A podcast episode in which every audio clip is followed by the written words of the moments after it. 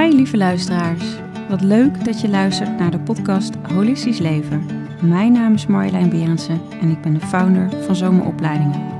In deze podcast neem ik je samen met inspirerende experts mee in de wereld van holistisch leven. Als je bewust wordt van een niet helpende geldgedachte, zet daar dan die andere geldgedachte tegenover. Ja. En voel wat dat doet in je energie en hoe je met die nieuwe energie veel meer kan betekenen in de Ja. wereld.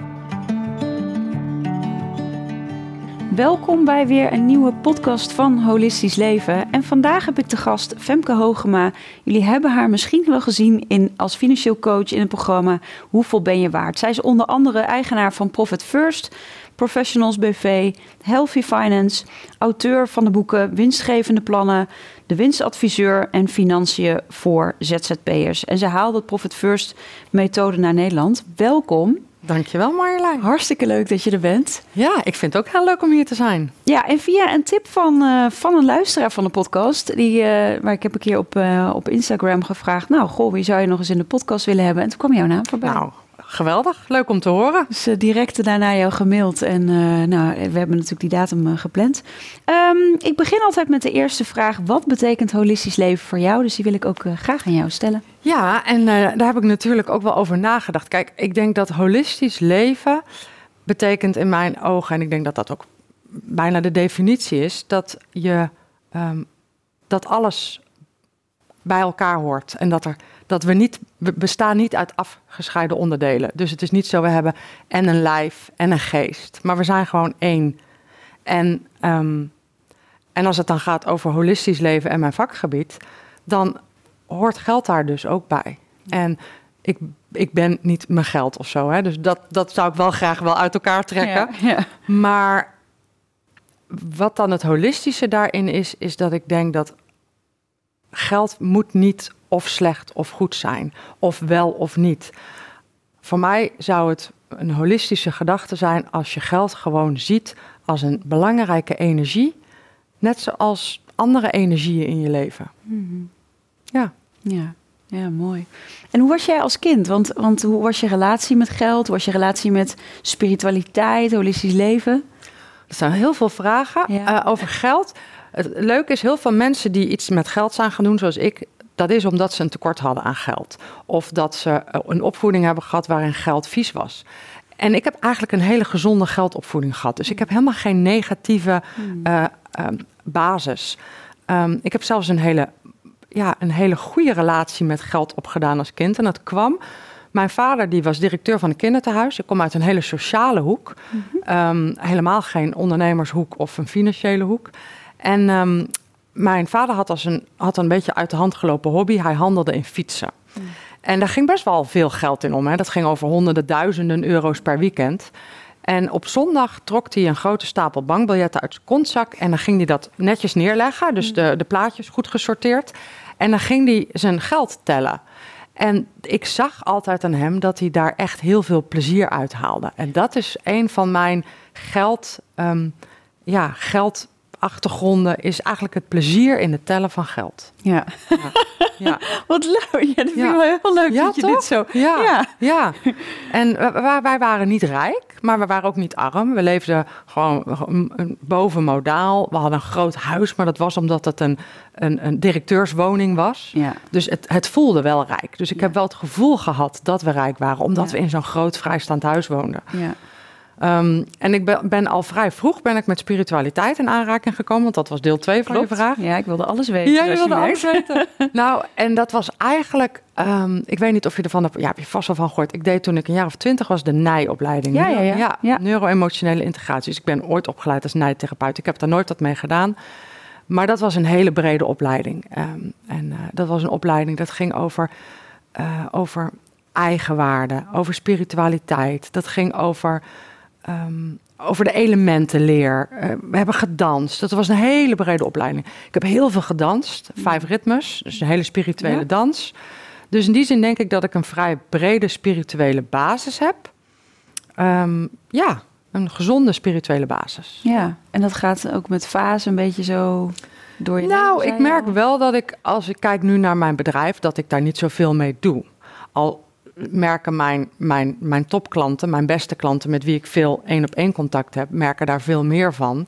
Omdat ik uh, daar met hun wel ander soort gesprekken voer en ook ander soort dingen aanraak. Hmm. Um, ja, maar als je naar mijn, mijn boeken kijkt, je leest het er wel doorheen. Je leest Ja. wel zeker wat, wat, wat spirituele interesse er doorheen. Ja. Ja. En, wat eh, raak je aan dan in de één op één eh, ja, topklanten, zeg maar?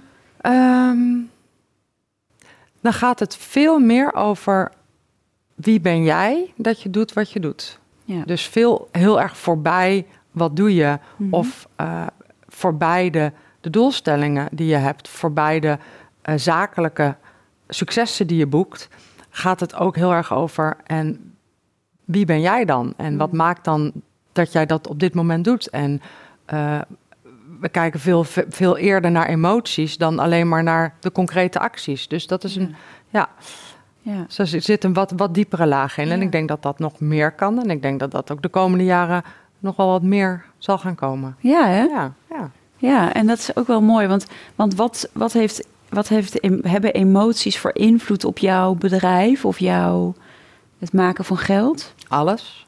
Alles. Ik, ehm, ik geloof heel sterk dat je als ondernemer nooit verder kan groeien dan, of dat je bedrijf nooit verder kan groeien dan dat jij als ondernemer groeit. Ehm, ik geloof heel sterk dat alles begint bij de keuzes die jij maakt als ondernemer of als mens. En de keuzes die je maakt hebben alles te maken met hoe je in je vel zit. eh, hoe je erbij zit, je state, zoals Tony Robbins zegt. Ja. Ehm, dus je voortdurend ontwikkelen als mens is, is wat je te doen staat, in mijn ogen. Om, Ja.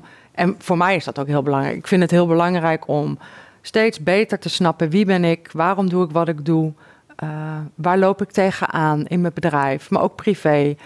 En dat kun je weer helemaal terugvoeren ook op, op je jeugd. Hè? Wat, alles, je wordt gemaakt. Je, ik, ben, eh, ik, ben, ik ben 48, dus ik, ben, ik word al 48 jaar gemaakt door alles wat er om me heen gebeurt. Maar ik beïnvloed dat ook wel door wat ik actief daarmee doe. Ja. De opleidingen die ik volg, de boeken die ik lees, de gesprekken die ik voer. En om steeds sterker te worden als mens en mez- mezelf steeds beter te leren kennen, maakt dat ik ehm, een betere ondernemer word, een leukere moeder, een leukere partner, een leukere vriendin. Ja, geweldig. Hey, en eh, je noemde magische naam eh, Tony. Ja. ik ben deze zomer naar hem toe geweest. Ja? UPW in Birmingham. Nou, ik zal je zeggen, ik ga volgende week naar Date with Destiny Echt? in Florida. Oh, wat ja. gaaf. Ja. Ben je al eerder naar hem geweest? Naar UPW ben ik Ja? twee keer geweest en ik ben naar Business Mastery geweest. Zo, wat gaaf. Jij bent in Birmingham geweest. Ja. Ik wist dat het was. Ja. Hoe, hoe, hoe vond je het? Wat heeft het met jou veranderd, ook in, in, in het werk wat je doet?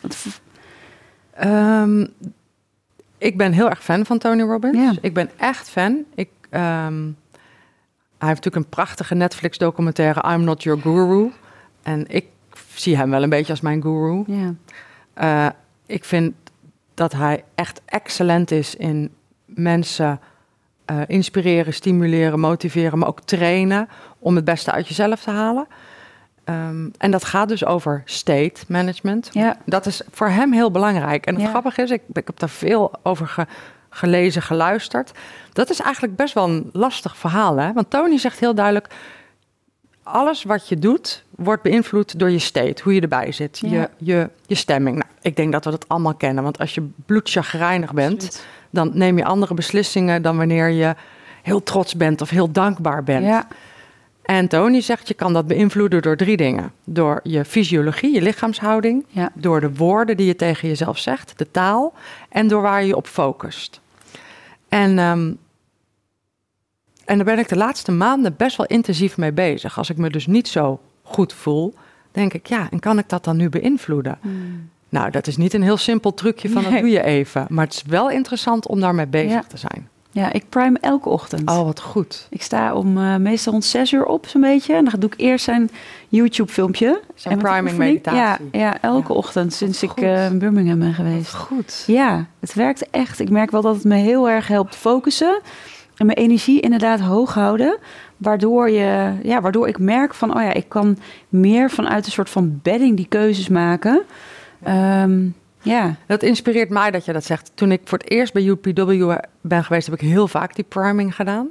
En ik heb hem eigenlijk alweer heel lang niet gedaan. Terwijl het is maar een kwartiertje. Het is maar een kwartiertje. Het is maar echt mijn, echt mijn ochtendroutine. Het is Ja. geen dag dat ik oversla. Wat goed. Ja. Ja, ja je Ja. inspireert mij om dat weer op te pakken. Nou, tof, Ja. tof dat we het ook hierover Ja. hebben. Hey, en die Profit First eh, methode, want laten we het daar ook daar zeker over hebben. Vertel, ja. Ja, de, het, eh, Profit First is ehm, heel kort in, in één zin. Profit First is een methode om je zakelijke geld te managen. Ja. En dan het echte geld. Dus Mhm. de, de harde cash Ja. die binnenkomt. Ja. Dus het is geen boekhouding. En Profit First is bedacht door Mike McAllowich, Mhm. een Amerikaan. En ehm, hij schreef het boek Profit First een jaar of acht geleden. En ik kreeg de eerste hoofdstukken door een eh, Amerikaanse business coach, gewoon zo'n gratis e-book, kreeg ik opgestuurd. En ik las dat en ik dacht echt, "Ah, dit is het. Mm. Dit is het. Dit moeten alle ondernemers weten. En ik was daar zo vol van dat ik. eh, eh, dat de ondernemer in mij wakker werd. Ik bedoel, die bestond al wel, de ondernemer in mij, maar die werd echt wakker. Ja. En die registreerde www.profitfirst.nl en .be en .eu. Echt bij, bij hoofdstuk 1 had ik het al geregistreerd. En vrij snel daarna heb ik zelf de opleiding tot Profit First Professional in Amerika gedaan. En vrij snel daarna eh, heb ik, zei ik tegen mijn man, eh, ga je mee? We gaan naar New York, we gaan koffie drinken bij Mike McAllowich. Dus die zei, oh, nou, leuk. En dat hebben we gedaan. Dus we zijn naar New York gegaan en ik heb mezelf voorgesteld, want hij kende mij natuurlijk niet. Nee. En ik heb gezegd, ik wil het naar Nederland halen. En eh, daar, daar is het eigenlijk begonnen. En dat was 2016.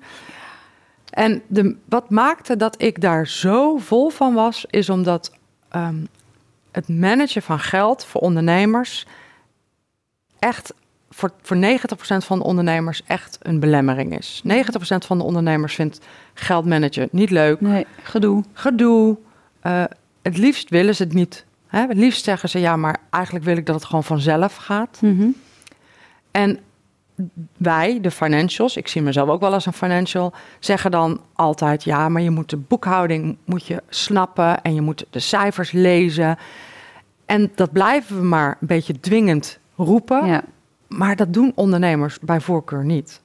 En Mike McAllowich was ook zo'n ondernemer en die zei: er is één ding wat ik wel doe met geld. En wat ik wel doe, is ik kijk naar mijn bankrekening. En hij dacht: kunnen we niet zorgen dat die bankrekening meer informatie geeft? Mhm. Want alleen maar een bedrag op een bankrekening is niks. Hè? Nee, nee. Ik bedoel, als er nog 30.000 euro eh, BTW en eh 50.000 euro vennootschapsbelasting betaald moet worden, dan is 81.000 euro, dat is eigenlijk dus maar 1000 euro. Precies. En als je dan nog salarissen moet betalen, sta je al in het rood. Ja. Dus een, een bankrekeninggetal zegt niks. En de methode die Mark McAllowich heeft bedacht, is dat hij zegt: ons zakelijke geld heeft minimaal vier doelen. Je moet winst maken, Mhm. want winst is levensvatbaarheid. Ja. Maar winst is ook beloning voor jou als, eh, Ja, als, als, als ondernemer. ondernemer. Maar het is ook investeringsruimte. Je kunt groeien. Ja. Dus winst moet je maken. Je moet salaris hebben. Ja. Want ieder mens moet boodschappen doen en wonen. Mhm. Dus eh, salaris is echt wel essentieel. Want er zijn best wel wat ondernemers, en die zul je ook kennen. Die zeggen, ja, maar ik wil eigenlijk gewoon mensen helpen. Ja, maar je moet ook leven. Dus salaris. Ja. Ehm, dan een doel wat we eigenlijk niet willen zien. Wat er wel is, is belastingen. Mhm. Dat is echt een deel Ja. van je geld, van Ja. je zakelijke geld, gaat naar de belastingen. Ja. En het vierde is kosten van leveranciers. Hè? Kosten van een studio, eh, nou, kosten. En de hele Profit First methode is in de basis heel eenvoudig. Dat je iedere euro die er binnenkomt, verdeelt over die vier doelen, volgens jouw eigen maatwerkpercentages. Mhm.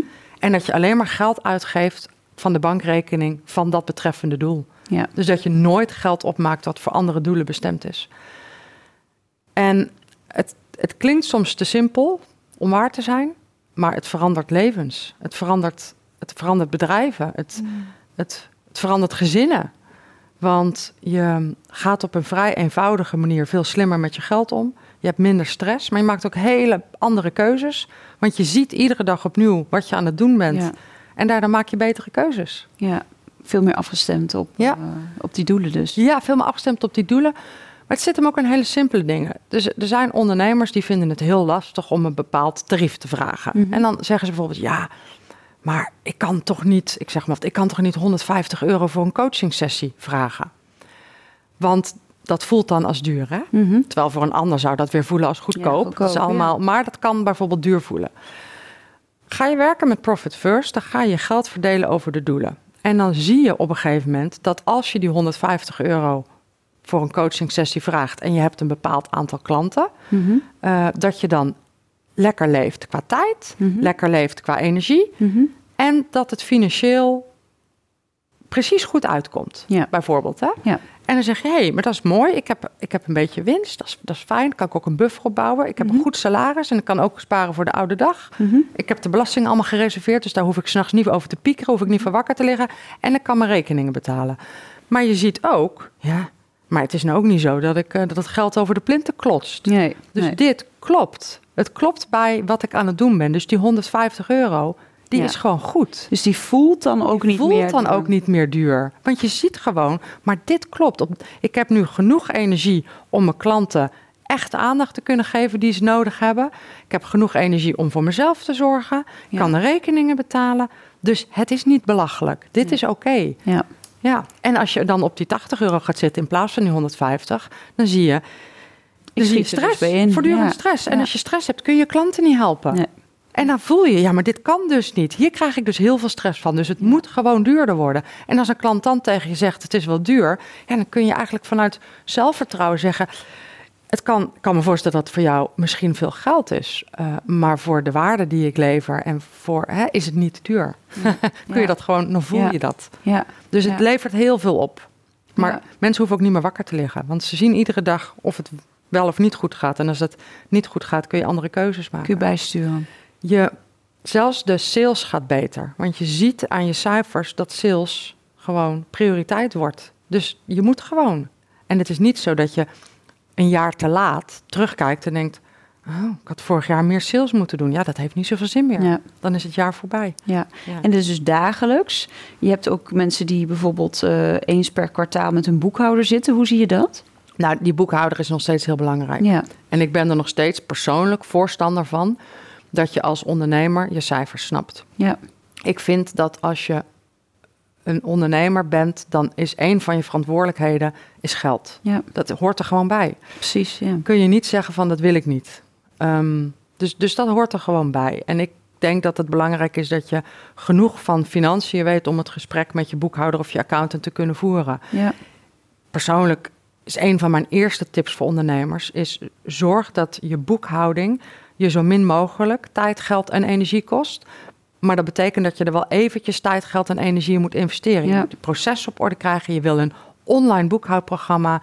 Ehm, je wil dat de, de boekhouding eigenlijk op dagelijkse basis of op wekelijkse basis is bijgewerkt. Zodat je niet ieder kwartaal weer overal bonnetjes vandaan moet plukken voor de BTW-aangifte. Dat moet gewoon eigenlijk een druk op de knop zijn. Precies. Moet direct eh, op te halen zijn. Ja. Dus ik vind nog steeds dat dat heel belangrijk is. En voor de dagelijkse sturing is Profit First voor de meeste ondernemers eigenlijk heel prettig. Ja, En en hoe genoeg ook soms wel. Ja, snap ik. En, en, en hoe bepaal je die doelen? Dat je zei van je, ja, precies ja. die percentages. Ehm, er zijn een aantal manieren voor. Ehm, de, de, de, de meest simpele manier is de percentages uit het boek nemen. Ja. We hebben eigenlijk richtpercentages. Ja, Bij ja. een omzet van een ton, eh, mil- miljoenen, richtpercentages. Mhm. Maar ja, dat is hetzelfde als een richtinggevende ja, calorieën. Ja. Het zegt eigenlijk weer niks. Nee, want de ene geen- heeft twee keer zoveel nodig, want die Ja. beweegt twee keer zoveel. Ja, Dus niet dat maatwerk inderdaad. het is eigenlijk maatwerk. Dus, Ja. dus, maar je kunt wel bijvoorbeeld beginnen met de percentages uit het boek. En wat ik eigenlijk altijd zeg, kleinere ondernemers eh, die een vrij eenvoudig bedrijf hebben, die kunnen gewoon de percentages uit het boek nemen en ze gaan de weg bijstellen. Mhm. Maar heb je een wat complexer bedrijf, heb je een groter bedrijf, heb je een BV, Meerdere BV's? heb je meerdere BV's, heb je eh, personeel, heb je enorme groeiplannen, ben je heel erg aan het groeien, ja, dan zeg ik altijd investeer dan in een, een, een, in een profit assessment. En die wordt dan gemaakt door een profit first professional, die Mhm. leiden wij op. Mhm. eh, zodat je gewoon echt de juiste percentages hebt. En dat is, Ja. best een, dat is best een uitgebreide berekening, waar echt eigenlijk alles bij elkaar wordt genomen. Er wordt gekeken naar eh, je privé-inkomen, wat je nodig hebt. Er wordt gekeken naar je toekomstplannen. Er wordt gekeken naar de cijfers uit het verleden. Er wordt gekeken naar de belastingen.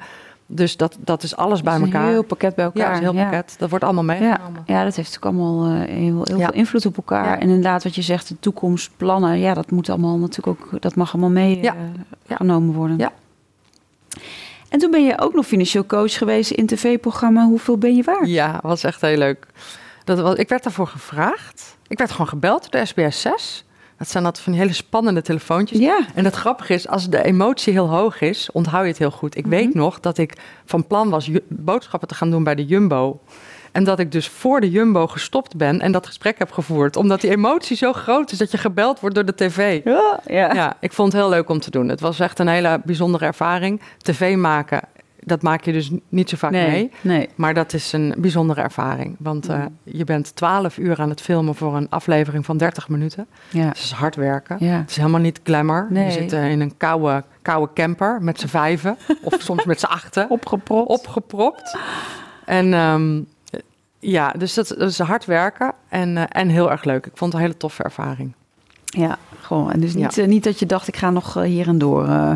Ik had best nog wel een tweede seizoen willen maken. eh, eh, maar door omstandigheden is dat toen anders gelopen. En Ja. daar baalde ik wel een beetje van. Hmm. Eh, ik zou heel graag nog een keer een tv-programma. ik zou heel graag nog een keer financial coach zijn Mhm. in een tv-programma voor ondernemers. Ja. Als ik daarvoor gevraagd word, laat ik een hoop uit mijn handen vallen. Oh, kijk, nou. ja. Voor mensen die het oppikken. Ja, precies, helemaal helemaal mooi. Ja. Eh, er zijn ook best wel wat luisteraarsvragen binnengekomen. Maar voordat we daar naartoe gaan, wil ik je vragen om een eh, kaartje te trekken. Oh, ik mag een kaartje. Ja. trekken, Echt waar? En dan mag je de vraag eh, beantwoorden die erop staat. Ik wil deze graag. Ja. Stel dat je een vriend of vriendin had die in alles op jou lijkt. Waaraan zou je je op den duur gaan ergeren? Nou, De vraag is eigenlijk wat is irritant aan mij. kom maar door. Ja, Ja. eigenlijk wel. Oh. Nou, waar, waar mijn man mij zich aan ergert, dat is, dat is bijvoorbeeld dat ik. ehm, ehm, als wij ruzie krijgen, dan, dan staat de coach en de juf in mij op. En dat is natuurlijk heel irritant. Want als wij ruzie krijgen, dan ga ik hem uitleggen hoe de wereld in elkaar steekt. Ja, Ja. dat maakt de ruzie alleen maar erger, dat snap Ja. je. Ja. Dus, dus dat is irritant, dat ik eh, soms de, de juf aantrek. Dat ik alles, alles Ik gewoon... zie het ook gelijk in je gezicht. Ja, dan ga ik uitleggen In de bedweterige Ja. energie. hoe de wereld in Zal elkaar jou het zit. even uitleggen? Ja, ik zal het jou eens even Ja. uitleggen. Dus dat is wel irritant aan mij. Ja, ja. Ja. Oké. dat is irritant aan mij. Ehm, ik weet, ik, ik heb wel, op zich heb ik veel energie. En ehm, ik vraag me af, ik denk dat mensen daar ook wel heel, veel, heel erg van genieten. Hmm. Ehm, dus ik weet niet of dat heel irritant gaat worden. Dat is dat bedweterige in mij. Dat is denk ik het meest irritant. Hmm. Ja. ja. Dat is wel heel, heel eerlijk. ja. Ja, dat, dat, dus zelfreflectie is ook heel, eh, heel, heel belangrijk. Goed, dan komen er eh, behoorlijk wat vragen. Ehm, nou ja, hier eh, even kijken. Dit, dit hebben we het eigenlijk al over gehad. Hè? Dat je meer vertelt over de Profit First methode. Hoe het me- ondernemers kan helpen om financieel en gezond winstgevend bedrijf op te bouwen. Is er nog iets waarvan je zegt, daar wil ik nog iets aan toelichten? Over Profit First. Ja? Profit First gaat in, eh, in de basis over ehm, de juiste geldgewoontes. En dat betekent dat ehm, een, een gewoonte is gedrag wat op een gegeven moment geen energie meer kost. En aan het begin kan ook het werken met Profit First kan ook nog wel energie kosten. Want ja, je moet wel eh, je geld verdelen over verschillende rekeningen. Hou het een tijdje vol. Dat is eigenlijk mijn tip daarbij. Eh, op een gegeven moment wordt het een automatisme. Ik werk zelf al zes jaar met Profit First. Ik heb eh, drie bedrijven, een holding, een BV en nog een eenmanszaak. Ja, Eh, dus dat, dat kost op zich ook nog wel wat energie. ja. En heb je dan ook twaalf rekeningen? Of? Ja, wel meer. Ja. Ja, wel meer. Veel meer. Want Ja. ik heb veel meer dan die vier basis, vijf basisrekeningen. Ja, ja. En ik zou niet anders willen. Ik heb sinds ik met Profit First werk geen seconde meer wakker gelegen over geld. Ik zie gewoon meteen of het goed gaat. ja. En ook als het niet goed gaat, dan kan ik in actie komen. Ja. Dus het is voor mij zo'n zo'n basis onder mijn onderneming. Ik zou niet anders meer willen. Hmm. Ja. Mooi. Ja. Ehm, je bent auteur van verschillende bestsellers over financiën en winstgevendheid. Wat zijn enkele van de meest voorkomende fouten die je ziet bij ondernemers als het gaat om hun financiën? Ehm, eentje heb ik al een klein beetje genoemd. Ja. Ondernemers zeggen eigenlijk... Ik hoor te vaak dat ondernemers zeggen... Ja, maar daar heb ik een boekhouder voor. De financiën, dat doe ik niet, daar heb ik een boekhouder voor. En deels is dat zo. Deels is het in mijn ogen heel verstandig om een hele goede boekhouder of Profit First Professional of winstadviseur aan te haken om dat te doen. En je bent zelf verantwoordelijk voor je geld. Je moet zelf snappen hoe je erbij staat. Nadenken over de toekomst. Dus je kunt je financiën deels over de schutting gooien, maar niet helemaal. Je kunt niet de verantwoordelijkheid voor financiën over de schutting gooien. Dus ja, uitbesteden aan een professional. Heel goed idee. Maar niet vervolgens denken dat je er niks meer mee hoeft. Dus dat is één fout. Tweede fout is de gedachte: als ik maar doe waar ik goed in ben, dan komt het geld vanzelf. Hmm. Dat kan zo zijn. Het kan zeker zo zijn dat dat, dat uh, heel holistisch vanzelf goed komt. En vanzelf betekent over het algemeen dat je er wel ook energie in stopt en acties in neemt. Vanzelf is niet in je bed gaan liggen wachten tot het vanzelf goed komt. Nee. En daar zie ik ook wel dingen misgaan. Ondernemers zeggen, ja, maar ik, ik doe gewoon waar ik goed in ben. Ik doe mijn ding. En dan moet dat geld maar vanzelf gaan stromen. Geld wil ook aandacht hebben. Geld wil ook energie hebben. Je moet er ook over nadenken. Je moet nadenken over je tarieven. Je moet nadenken over, over je sales. Je moet nadenken over je kosten. En dat hoort daar echt bij. Dus stop daar ook energie in. Ja. Heb daar, durf daar ook doelstellingen op te hebben. Ja. Um, en, en, en een, een, hele praktische fout is je, je, je boekhouding eens per kwartaal doen. Eens per kwartaal, dan schrik je ineens wakker. Oh, BTW, ik moet iets met de BTW. En dan ga je overal bonnetjes vandaan plukken. Ben je tot twee uur s'nachts bij bonnetjes aan het plukken. Dat zei ik in het begin al. Als je iedere dag, ja. als je dat automatiseert, die processen op orde hebt... en zorgt dat dat altijd is bijgewerkt... dan hoef je aan het eind van het kwartaal alleen maar op een knop te drukken... of tegen je boekhouder te zeggen, ja, is klaar. dan hoef je verder niks. Nee. Hoe kunnen boekhouders, accountants en business experts profiteren van de training tot winstadviseur Profit First Professional? En hoe kunnen zij deze kennis toepassen in hun eigen praktijk? Ja, ik, wat ik dus doe, dat is mijn vak, is um, ik inspireer enerzijds ondernemers, maar wat ik, uh, wat ik doe is ik leid boekhouders, accountants en financieel business coaches op. En ik leid ze op tot Profit First Professional, winstadviseur. En de, de rode draad van wat ik daarin doe, is dat ik eigenlijk zeg tegen financials: het is niet meer genoeg om naar het verleden te kijken. In, hè, in oorsprong was het vak van boekhouder was... we zorgen dat het verleden klopt. Het is geschiedschrijving. Ja, we zorgen dat het verleden klopt en dan drukken we op een knop... en dan doen we de aangifte. Klaar. Dat is, is er nog steeds. Maar dat wordt steeds meer geautomatiseerd. Zodat je daar eigenlijk steeds minder aan hoeft te doen. En dat moet gewoon nog dat moet kloppen. Hè? Het moet eigenlijk gewoon heel goed kloppen en mooi bijgewerkt zijn. Maar daar wil je minder tijd mee kwijt zijn. Je wil dat er tijd over is om met jouw klant, de ondernemer, naar de toekomst te kijken. Ja.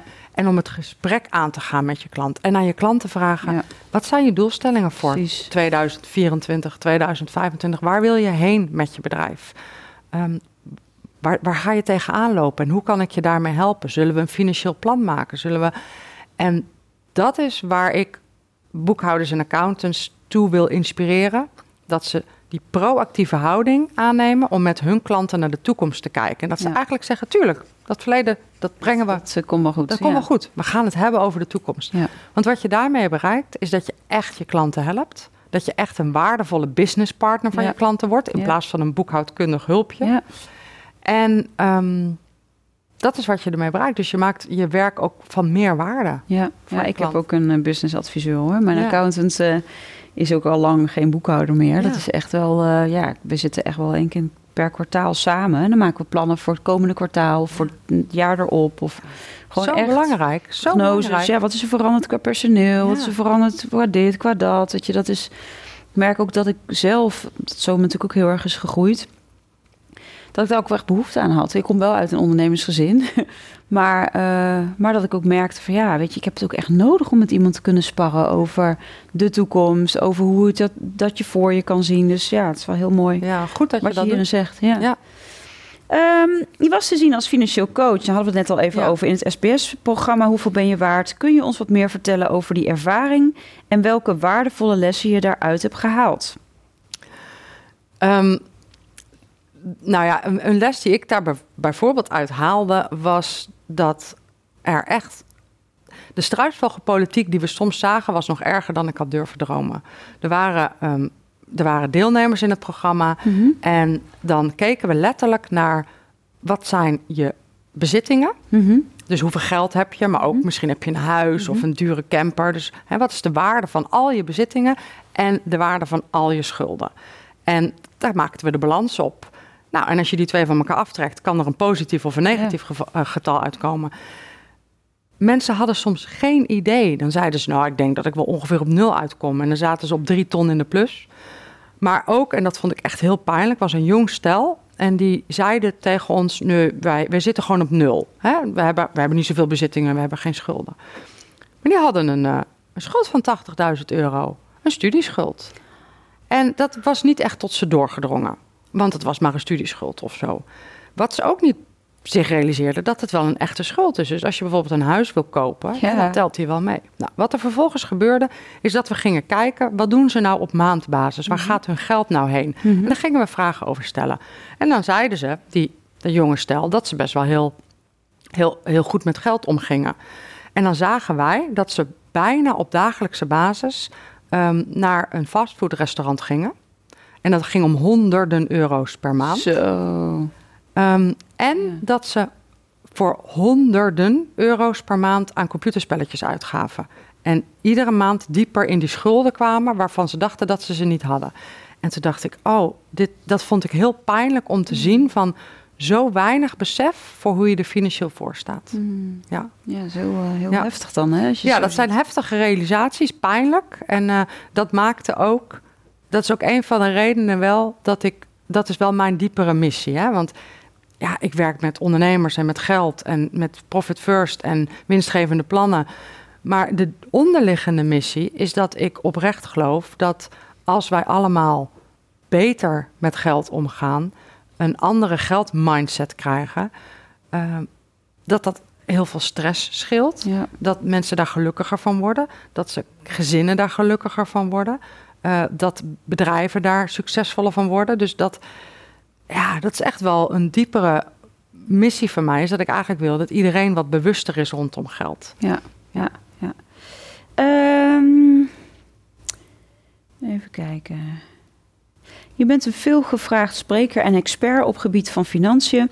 Wat zijn enkele van de meest verrassende of inspirerende ervaringen die je hebt gehad tijdens je lezingen en presentaties?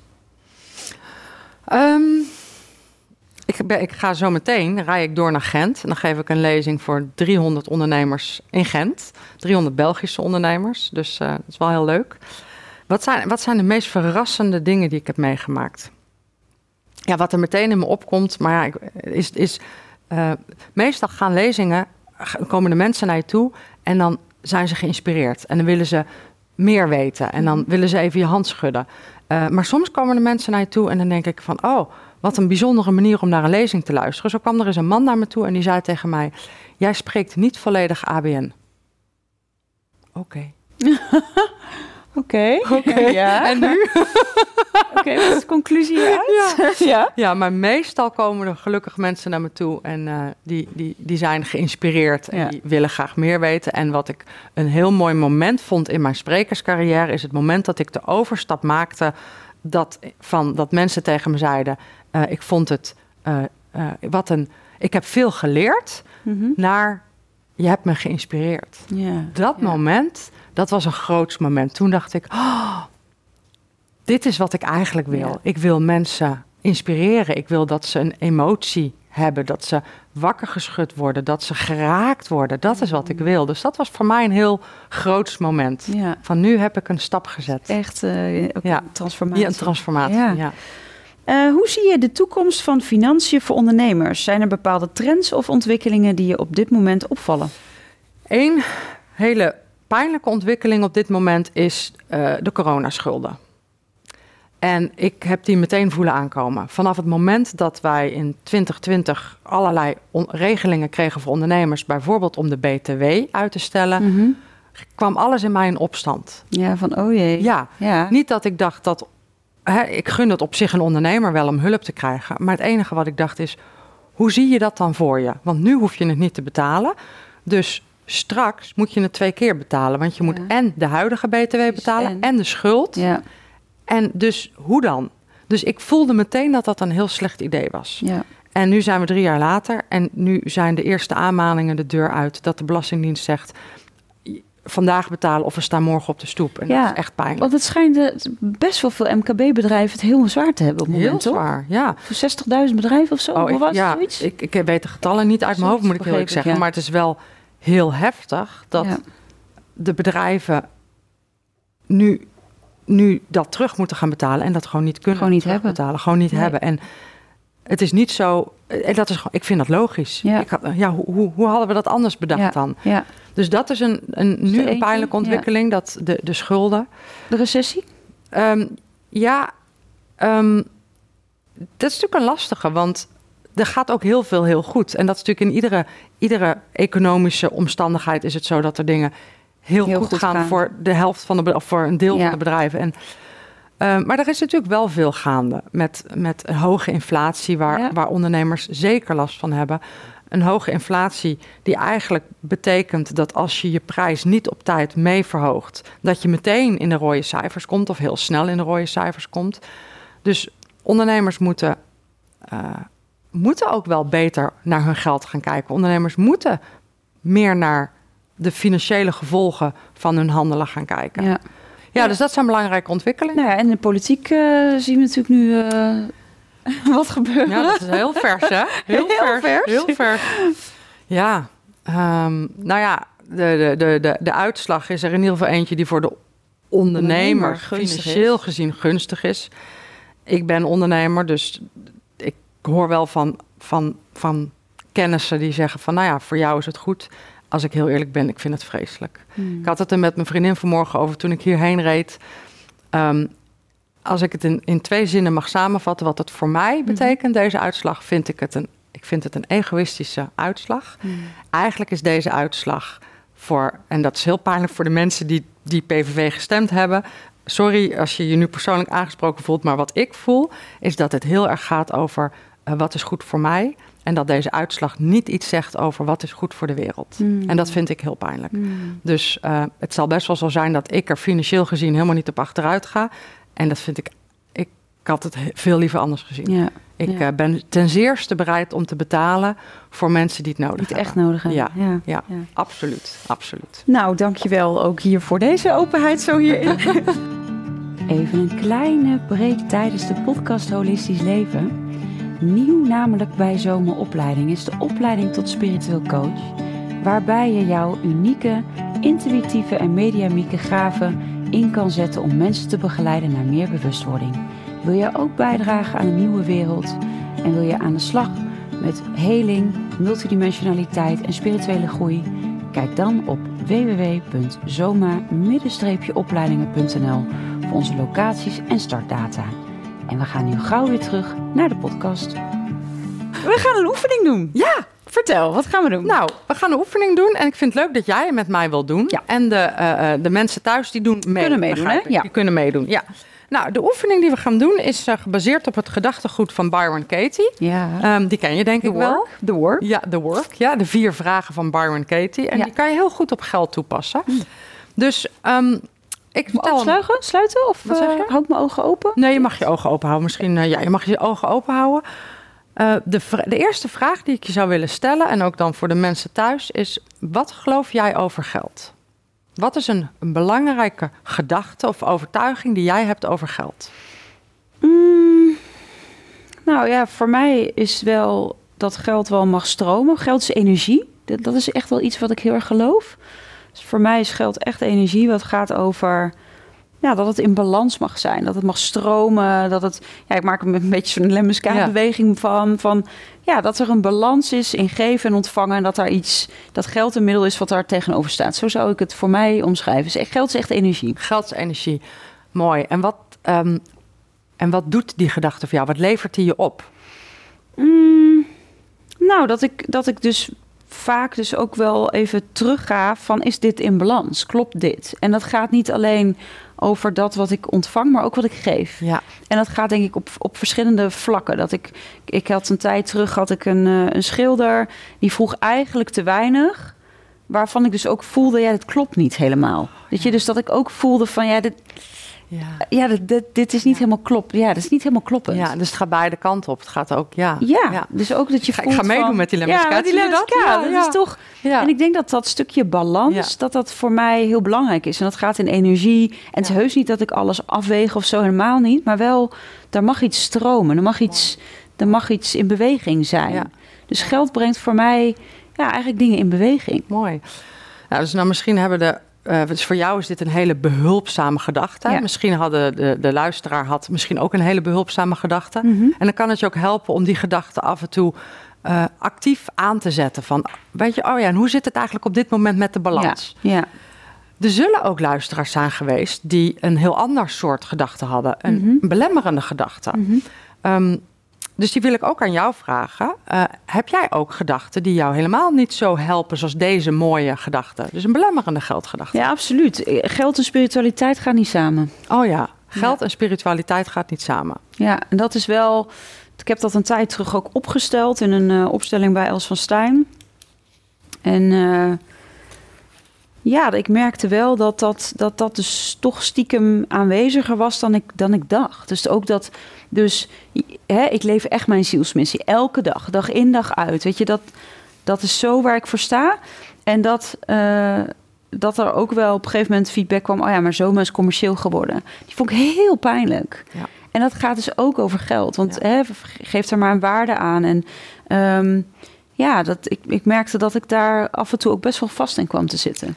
Ja, want Zoma is commercieel geworden en als spiritueel bedrijf zou dat niet mogen. Ja, en ik, terwijl ik ook voel, weet je, ik voel gelijk, weet je, wel, Ja. verkrampen van binnen. Dat ik denk, ja, maar dat wat we ook doen, we brengen transformaties in gang, we, we helpen mensen echt. Dat je het voegt echt waarde toe. Ja, Dus ik voel ook daarin echt een stuk van, ja, bijna, eh, eh, ja, het is echt wel een dieper gevoel wat, Ja. wat, daar, wat, wat ik daarbij voel. Is dat, eh, dat ik echt me voel in mezelf, ja, maar we maken echt de wereld een stuk mooier. we maken echt de wereld een stuk mooier. Ja, en het klopt echt wat we doen. En, Ja. en, en het is ook niet dat, dat overal geld voor hoeft te zijn. Hè? Dus zoals de podcast eh, is iets wat, wat natuurlijk geld kost. Ja. Eh, maar wat ik met heel veel liefde doe, de stichting die ik heb, wat, wat, waar natuurlijk gewoon tijd in zit, waar ook niks aan wordt verdiend. Dus daarin is het ook, ja, het is geen filantropische instelling. Nee. Dus je kunt het voor jezelf heel goed uitleggen. Ja, Ja, dan kijk ik ook nog wel heel even naar de luisteraar thuis. Hè, want ehm, misschien kan ik de luisteraar helpen door al, alvast een aantal gedachten ja. te noemen. Hè. Dus stel dat je nou thuis zit en je zegt van ja, ik weet het eigenlijk niet. Gedachten die, ik, ehm, die, je, die je misschien vanuit je jeugd kan hebben meegekregen. Bijvoorbeeld wie voor een dubbeltje is geboren zal nooit een kwartje worden. Oh, ja. Of een gedachte als ehm, rijke mensen zijn gierig. Kan een hele belemmerende gedachte zijn. dat is ook echt Ja. Ja, Ja, ja. ja. Of eh, een gedachte, eh, geld is de bron van al het kwaad. Dat kan ook zo'n hele heftige gedachte zijn. Ik Als je dat gelooft. Die heb ik helemaal niet. Nee, Nee, dit, eigenlijk nee, alle drie nee. niet hoor. maar- Gedachte die ik bijvoorbeeld, eh, eh, die, die ik wel ken over geld, is als ik eh, meer heb, heeft een ander minder. Ja. Die Ja. gedachte heb ik echt wel aan moeten werken aan die gedachte. Ja, en ben ik het wel waard? Ik denk dat die. Ja, dat, ben dat- ik het wel ben ik het waard? wel waard dan Ja. als ik het. Mag ik Ja. bevoorrecht zijn? Wie ben ik om dit bedrag te vragen? Ja, Ja, dat kan er een zijn. Ehm, nou, dat zijn een paar gedachten die je Ja. kunt hebben. De, de vraag die Byron Katie vervolgens stelt is... helpt die gedachte je? Dus de gedachte geld en spiritualiteit gaan niet samen. Is die behulpzaam Nee. in je leven? Nee, je zegt totaal niet. Nee. nee, je zegt meteen nee. Nou, nu denk ik dat het heel goed is om te weten... en ik denk dat jij dat ook wel weet... is dat een gedachte die we geloven...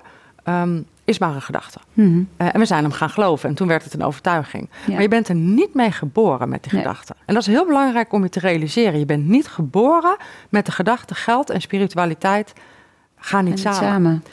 En dat betekent dat die gedachte niet een pure waarheid is. Nee. En dat is heel goed om je te realiseren. Jij bent het gaan geloven.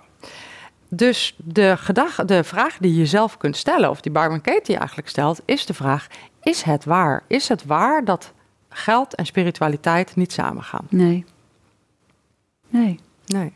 Nee, omdat ik ook voel, en dat heeft, eh, ik weet dat Steffi Roos Dumaine zei ooit een keer tegen mij. Ze zegt, hé hey, maar Marjolein, als bewuste mensen, spirituele mensen geld hebben, kunnen zij ook bewust geld inzetten voor mooie dingen. En dat, als ik het uitspreek, raakt het me weer omdat ik voel, ja, ik kan ook met mijn energie en alles wat ik doe, de wereld een stukje mooier maken. Weet je, het geld gaat weer naar de stichting, of het geld gaat weer naar gratis webinars eh, maken, of weet je, mensen inspireren. Ja. Dat is wel een soort van, ja, dat is voor mij een hele helpende gedachte. Ja, mooi. Dus je hebt eigenlijk meteen al de, de, de volgende stap gezet. Oh, sorry. Nee, dat is helemaal goed. Dat is helemaal goed. Dat gaat automatisch. Want de, op het moment dat je namelijk zo'n gedachte aan het wiebelen kunt brengen, is de mhm. gedachte waar. En dat doe jij heel goed door je te realiseren wat, wat andere mensen erover gezegd hebben of wat je een keer hebt gelezen. Ja. Ehm, dus dat kan, de luisteraar kan dat ook doen. Die kan zichzelf, die kan ook die gedachten aan het wiebelen brengen. Mhm. En de volgende vraag is: wat zou ook waar kunnen zijn? Mm. En dat deed je eigenlijk al meteen heel mooi door de, eigenlijk de gedachte die je dan van Steffi, uh, Steffi leerde. Van uh, bewuste mensen kunnen ook hele bewuste geldkeuzes maken. Ja. Ja, dus als je dat zou geloven, wat levert die gedachte dan op? Ja, ik voel gewoon dat het stroomt ja. op meerdere vlakken. Weet je, ook ja, weet je, ook persoonlijk. In, uh, tijdens de coronacrisis heb ik heel leuk een oppashondje uh, die dan twee dagen in de week is. Want ik dacht, hoe kunnen we dan mensen helpen? Nou, zij heeft ook wat minder te besteden. Dus ook als er rekeningen zijn voor het hondje, dan help ik graag mee. Dat zijn kleine dingen, ja. maar dat is wel heel groot. Dat is heel groot. Het is heel groot. En dat is in het klein. En dat probeer ik mijn dochter ook mee te geven. In dat wat je kunt geven, in dat wat je kunt doen. Maar ook het, het ja, het vrijwilligerswerk wat, wat we doen met elkaar. Dat dat daar daar zit zoveel groots in. Ja. En, en dus doordat ik geld met zomer verdien, kan ik ook weer heel veel mooie dingen doen. Ja. Weet je? Dus dat, ja, voor mij is het heel groot. En dat is dus echt ook in kleine dingen. Ik had laatst ook een keer bij de supermarkt dat ik iemand zag die, die dan net niet genoeg geld had om mijn kaas eh, af te rekenen. Nou, ik voel dat gewoon, weet je wel zo. En op dat moment dat ik die kaas gewoon even afreken voor die persoon was heel groot. En ik merkte gewoon zoveel dankbaarheid. En ik dacht, ja, voor mij is dat, weet je, die, die, die 7 euro is voor mij niet, niet, niet veel. En, en daarin dus ook me, dus ook niet soort van schuldig te hoeven voelen over dat ik meer geld heb of schuld, maar ook, hé, hey, ik kan het, dan kan het geven. En ik moet wel zeggen dat ik het soms wel lastig vind. Uh, ik woon op een hele fijne plek, dat ik me echt bevoorrecht mag voelen. Dus ook, dat heb ik ook van Els van Stijn geleerd. Eh, de moed te hebben om je bevoorrecht te voelen. En of dat dan over geld gaat of over andere vlakken, dat ik me daar dus soms ook wel eens dan over ja, schaam of zo. Van ja, daar verdien ik wel geld mee met iets wat mijn zielsmissie is. Ja. ja maar dat ligt wel in lijn met wat ik hier te doen heb op aarde. Ja. Dus soms zit daar best wel ja. discrepantie tussen. Ja. ja, mooi hoe je daar zo op reflecteert. En de, het las, eh, dat is wel, als we dan even teruggaan naar deze oefening, ook voor de luisteraars. Uh, jij jij maakt het heel praktisch ook, hoe je het dan eigenlijk in je eigen leven doet. Hè? En ik kan me voorstellen dat voor de luisteraar dat, dat, dat je zegt van ja, maar oké, dan wat kan ik ook geloven, wat kan ook waar zijn? Ehm, en dan, dan, dan kan ik bijvoorbeeld zeggen ja, ehm, eh, ik ben het wel waard. Hè? Dan kun je de gedachte omdraaien, ik ben het mhm. niet waard. Mhm. En dan, en de kracht van deze oefening is dat je, dat je realiseert dat de nieuwe gedachte, die is heel oncomfortabel, ja. Ehm, omdat je hem nog niet gelooft. Waar, waar deze oefening over gaat, is dat je jezelf de vraag stelt: stel je nou voor dat deze nieuwe gedachte waar zou zijn. Uh, als ik meer geld heb, kan ik meer betekenen. Of wat jouw nieuwe gedachte dan ook is. Wat zou dat voor me doen? En als je merkt dat je daar dan wel blij van wordt, dan is dat een gedachte die veel meer opbrengt dan die oude gedachte. En van beide weet je niet of ze waar zijn. Het zijn, het zijn maar gedachten. Mhm. Ze zijn niet de waarheid. Mhm. Maar als die nieuwe gedachte je meer energie geeft, ga daar daarmee oefenen. Dus iedere keer als je jezelf betrapt op de gedachte geld en spiritualiteit gaan niet samen, zeg dan tegen jezelf: Oh ja, dat was die gedachte. Maar ik had nog een gedachte en die nieuwe gedachte was: bewuste mensen kunnen bewuste dingen doen. Ja. En zeg dat dan tegen jezelf. En dat is wat Tony... Dan hebben we het cirkeltje rond naar Tony ja, Robbins. dat dacht ik ook gelijk Dat is wat Tony Robbins vervolgens zegt. Het zijn ook de woorden die, die je tegen jezelf zegt... die invloed hebben op hoe jij je voelt. Dus als jij jezelf betrapt op een niet helpende geldgedachte...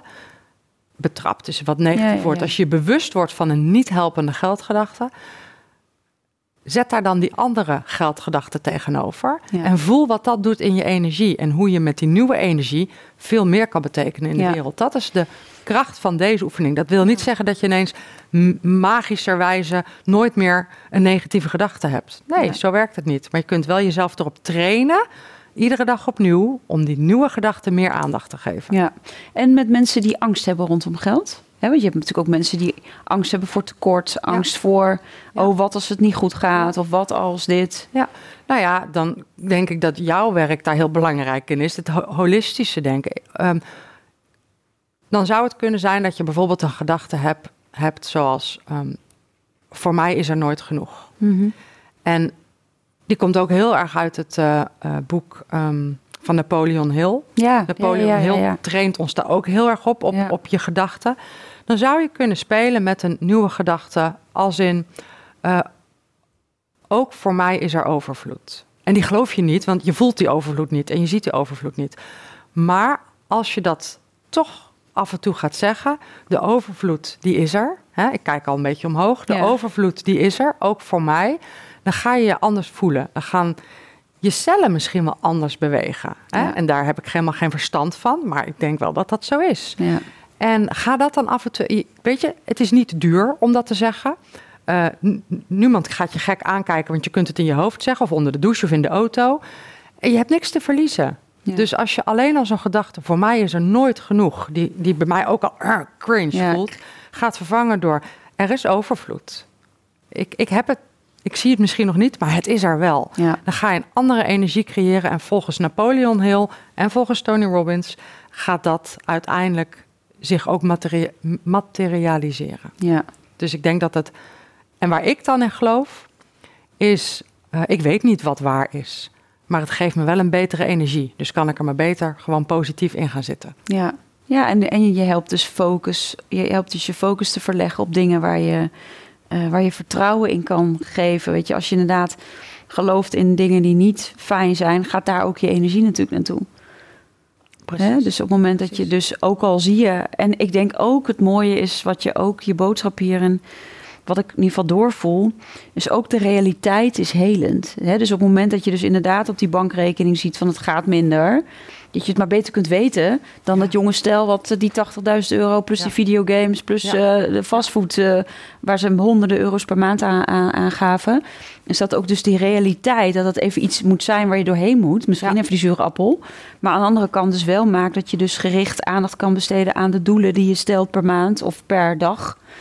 En daar en daar naartoe. Maar dat is helemaal waar, want we, de realiteit kan heel pijnlijk zijn, maar op de lange termijn betekent die realiteit wel, als je echt die realiteit ziet, dat je actie kunt gaan nemen. ja, Dus je kunt, het zeg ik altijd over geld, je kunt maar beter nu zien dan dat het slecht gaat, dan over een half jaar zien dat het al een half jaar slecht gaat ja, daar kun je niet meer mee bewegen. kun je niet meer mee weg.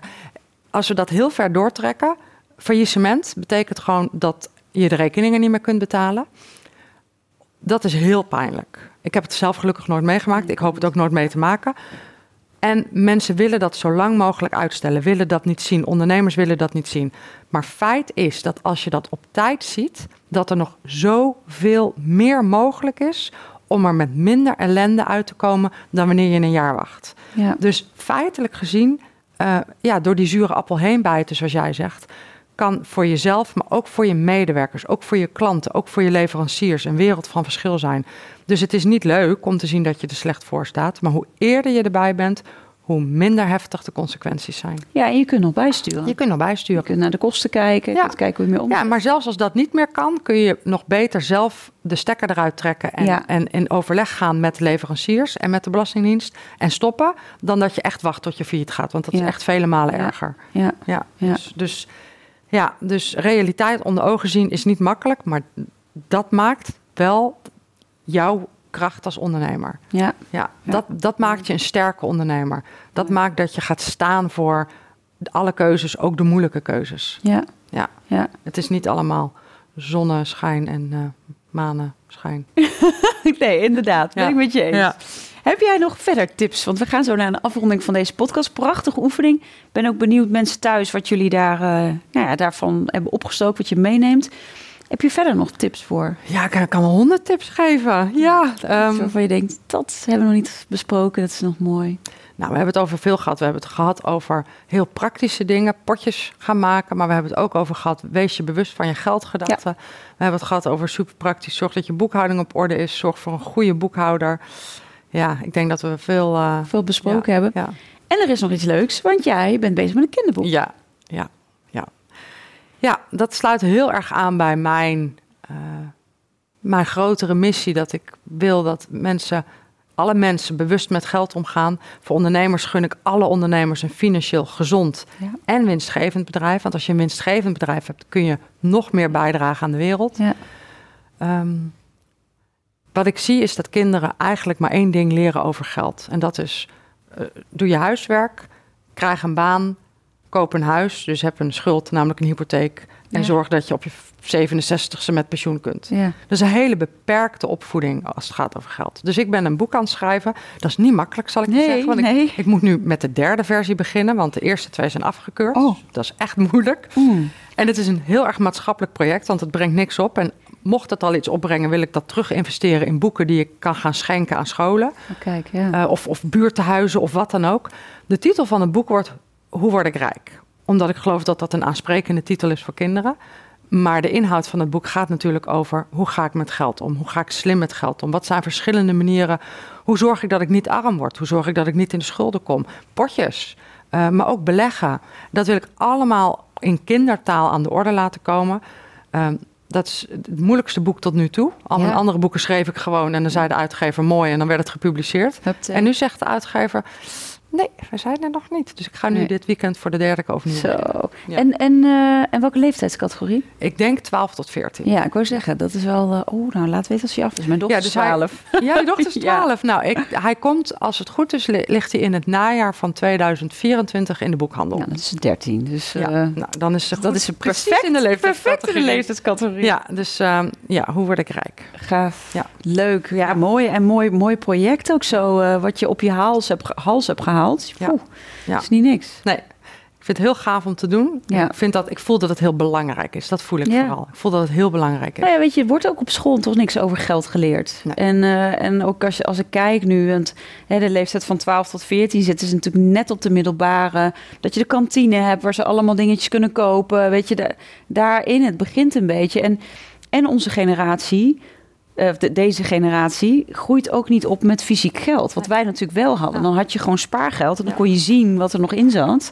En nu met een bankrekening, ja, wat is 40 euro? Het, het, het bewust worden van geld is heel anders. Als we het dan toch hebben over nog een tip, dan is één tip voor jouw dochter.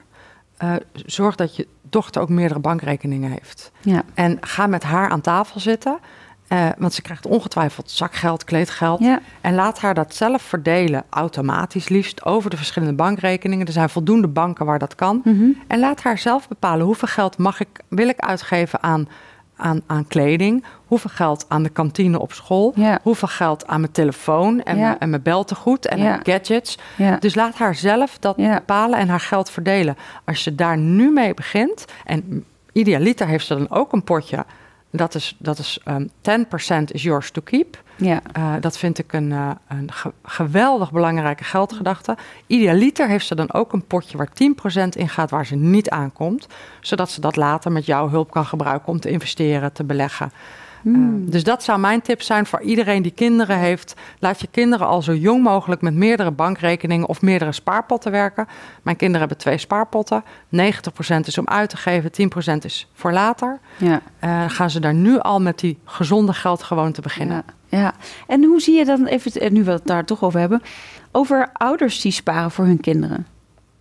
Want op een gegeven moment zie je dat ze natuurlijk bij een, een leeftijd krijgen, ik weet niet, 18 of 21, nou ja, dat ze erbij kunnen. Ja, dat ze erbij kunnen. Hoe, hoe, zie je dat? Ja, um, sowieso fiscaal gezien is het sowieso heel slim. Hè? Als je namelijk genoeg geld hebt, dan kun je maar beter uh, ieder jaar 6000 euro belastingvrij schenken aan je kind. Uh, maar echt op naam van je kind. Want mm -hmm. tegen de tijd dat jij doodgaat, hè, we gaan allemaal een keer dood. En dat een erfenis wordt, dan moet er erfbelasting over betaald worden. Dus je kunt ja. maar beter ieder jaar 6000 euro dan alvast schenken als je het geld hebt, fiscaal gezien. Mm -hmm. Alleen het nadeel is wel, als ze 18 worden, is het ook echt van hun. En dan gaat het er in mijn ogen vooral om dat je in die periode voordat ze 18 Ja. worden, dat gesprek hebt gevoerd. Ja. En dat het is wel van hun, maar als ze voor die tijd al geldgewoontes hebben, maar ook al hebben nagedacht over, hè, ga dan het gesprek met ze aan. Wat zou je daarmee willen doen? Ja. Eh, wij sparen voor de kinderen zodat ze kunnen studeren. Ja. Dus dat is gewoon een dedicated studiepotje. Ik zou het heel jammer vinden als ze op hun achttiende dat helemaal opmaken aan andere dingen. Het staat ook nog op onze naam trouwens. Dus Ja. dat is net weer een iets andere situatie. Ja. Eh, want tegen de tijd, dat, dat maken we ook gewoon op aan die studie. Ehm, maar wat wil je kind ermee? Wil je kind op wereldreis? Of wil je kind eh, een auto kopen of een rijbewijs halen? Wat wil je kind ermee? En als je kind daar al meteen een doel aan geeft... en misschien zelfs de bankrekening het naam geeft... rijbewijs of reis naar Australië... ja, dan is het geld al bestemd. En dan gaat het hopelijk minder snel op aan de allerduurste iPhone. Ja. En waar kun je, welke bankrekeningen, welke banken zijn makkelijk? Daar- Ja, Bunk is een superbankrekening voor meerdere potjes. Want dan kun je er zoveel aanmaken als je wil. Maar Bunk is voor kinderen niet meteen de goedkoopste. Want ik heb, mijn oudste heeft nu zijn eigen bankrekening. Die hebben we bij Bunk gedaan. Maar dat kost geloof ik 3 euro per maand. Nou, die betaal ik dan voor hem. Want dat is, is ongeveer zijn zakgeld. Ja, precies, ja. Ja, want hij krijgt dan 2 euro per week of zo. Dus dat is, dat is, Ja, want hoe oud is... eh Mijn oudste is eh, bijna 12. Ja. En de jongste is 10. Ja. Dus eh 10 en 11 nu. Ja. En de, de jongste die krijgt dan over een halfjaartje ook zijn bankrekening. Hmm. Ehm, en ehm, dus ik weet dat het bij Bunk meteen kan. Ehm, knap kan het ook, maar ik weet niet of knap particuliere rekeningen doet of alleen maar voor ZZP'ers. Dat Weet ik weet ik niet. eigenlijk Weet niet. ik ook niet. Eh, maar dat moet ik wel uitzoeken voor mijn boek. Dus ik beloof je dat tegen Ja. de tijd mijn boek uitkomt, er Ja. waarschijnlijk een bijlage op internet staat met de, de juiste bankrekeningen. Want ik heb me daar zelf nog niet genoeg in verdiept. Ik heb meteen Bunk genomen, omdat dat zo makkelijk is. Maar ik vind 3 euro per maand eigenlijk te duur. Ja, voor, voor, Ja, precies voor dus als er banken luisteren, let me know. Nou, weten, ja. ja. mooi. Ja. En, ehm, en nog een laatste vraag. eh, het, eh, ja, wat je, je- zakgeld bijvoorbeeld is voor ouders natuurlijk ook heel lastig om te bepalen. En kleedgeld, doe je dat Ja. wel, doe je dat niet. Ja. Dus de Ja, ik ben er voorstander van wel. En als je gaat googlen op zakgeld eh, Ja. bij, het, bij het Nibud, dan krijg Ja. je best wel goede indicaties. Ja, daar heb ik wel naar naar gekeken. Ja. Eh, dus, dus ja, en ik ben zelf dus een heel groot voorstander van eh, wel kleedgeld. Dus, en eigenlijk ook vanaf dat, dat ze naar de middelbare school gaan, moet het zakgeld ook meer worden. Zodat je dus wel degelijk ehm, nou, verantwoordelijkheid krijgt voor Precies. je telefoon. Ja. Verantwoordelijkheid krijgt voor je lunch. Als je, ik Keer dat broodje niet op keer dat broodje niet opeten. en kleedgeld. Dus dat moet meer worden. Maar dat kan alleen als je ook het gesprek erover voert. Ja, precies. Je kunt niet alleen maar een bak geld geven in de hoop dat het vanzelf goed gaat. Nee. Want iedereen moet dat leren. Precies, dat heb je te leren. En totdat kinderen, volgens mij is het 18 zijn, totdat kinderen 18 zijn, eh, kun je in de bankrekening meekijken. Ja. Dus dat helpt. Hè? Dus doe dat dan ook. Alleen als ze 18 worden, dan is het eh, plop, is het dicht, kun je ook niet meer meekijken. Dus voor die tijd moeten de geldgewoontes erin zitten. Ja, En wat ik een heel gevaarlijke ontwikkeling vind, is alles wat te maken heeft met eh, schulden maken. Eh, er wordt, dat is echt Amerikaans. Hè? In Amerika eh, is, zijn, is een creditcard is gewoon een extra bron van geld. Niet het besef hebben dat het een extra schuld is. ja. Het- In Amerika heb je het liefst zoveel mogelijk creditcards, een stuk of twintig. ja, zoiets hè? Zodat je ze allemaal tot de max kunt en dus iedere keer je schulden verhogen. Waarom? Ja, waarom? Ja, vreselijk. Echt zo pijnlijk. Ja, ja. En dat hebben we in Nederland niet. Maar wat ik nu wel zie op de reclames, is dat er veel makkelijker wordt gepraat over op rekening kopen. Vroeger Oh. was op rekening kopen toch een beetje sketchy. ja was wel sketchy. maar nu ja. is het heel. Ehm, ja, met heel Klarna en zo hè? precies. Ja. En, maar ook tegenwoordig Ja. zo'n zo'n zo'n commercial met een, met een truitje. En, maar natuurlijk betaal je pas als het truitje ook past. Ja, Alsof het de normaalste zaak van de wereld is dat we achteraf betalen. Maar dat zijn dus schulden. Ja, dat zijn echt schulden. En En, je, hebt, je vergeet het weer. en dan halverwege de En als je volgende binnen, maand. ja, want als je binnen die 30 dagen betaalt, kost het je niks extra's. Maar op dag 31 kost het je handelvol geld. Dus dat vind ik een hele gevaarlijke ontwikkeling. En ik zou ouders dus willen eh, ehm, ja, inprenten. Heb het daarover. Heb het over wat is een schuld? Hoe duur is een schuld eigenlijk wel? Want het lijkt wel mee te vallen. Ja, maar dat kost maar een tientje per maand. Ja, maar als je niet die schuld zou hebben, zou het zou, zou de telefoon de helft kosten, bij wijze van spreken. Een telefoon wordt twee keer zo duur als je het op afbetaling koopt. Ja. Ja. Dus dat soort gesprekken moet je echt gaan voeren. ja. En daar wil ik dus wel heel veel handvaten gaan voor Ja, geven mooi. in het boek. Ja. Mooi. Ja. Nou, geweldig. Dank je wel voor deze Ja, supermooie podcast. Erg leuk om met je hierover te praten. Ja, ja, heel inspirerend. Echt on- ontzettend bedankt. En eh, voor mensen thuis, ik hoop dat jullie er ook veel aan hebben gehad aan de oefening. En eh, nou ja, dat er ook veel in beweging is gezet. Dat het lekker mag flowen, mag stromen.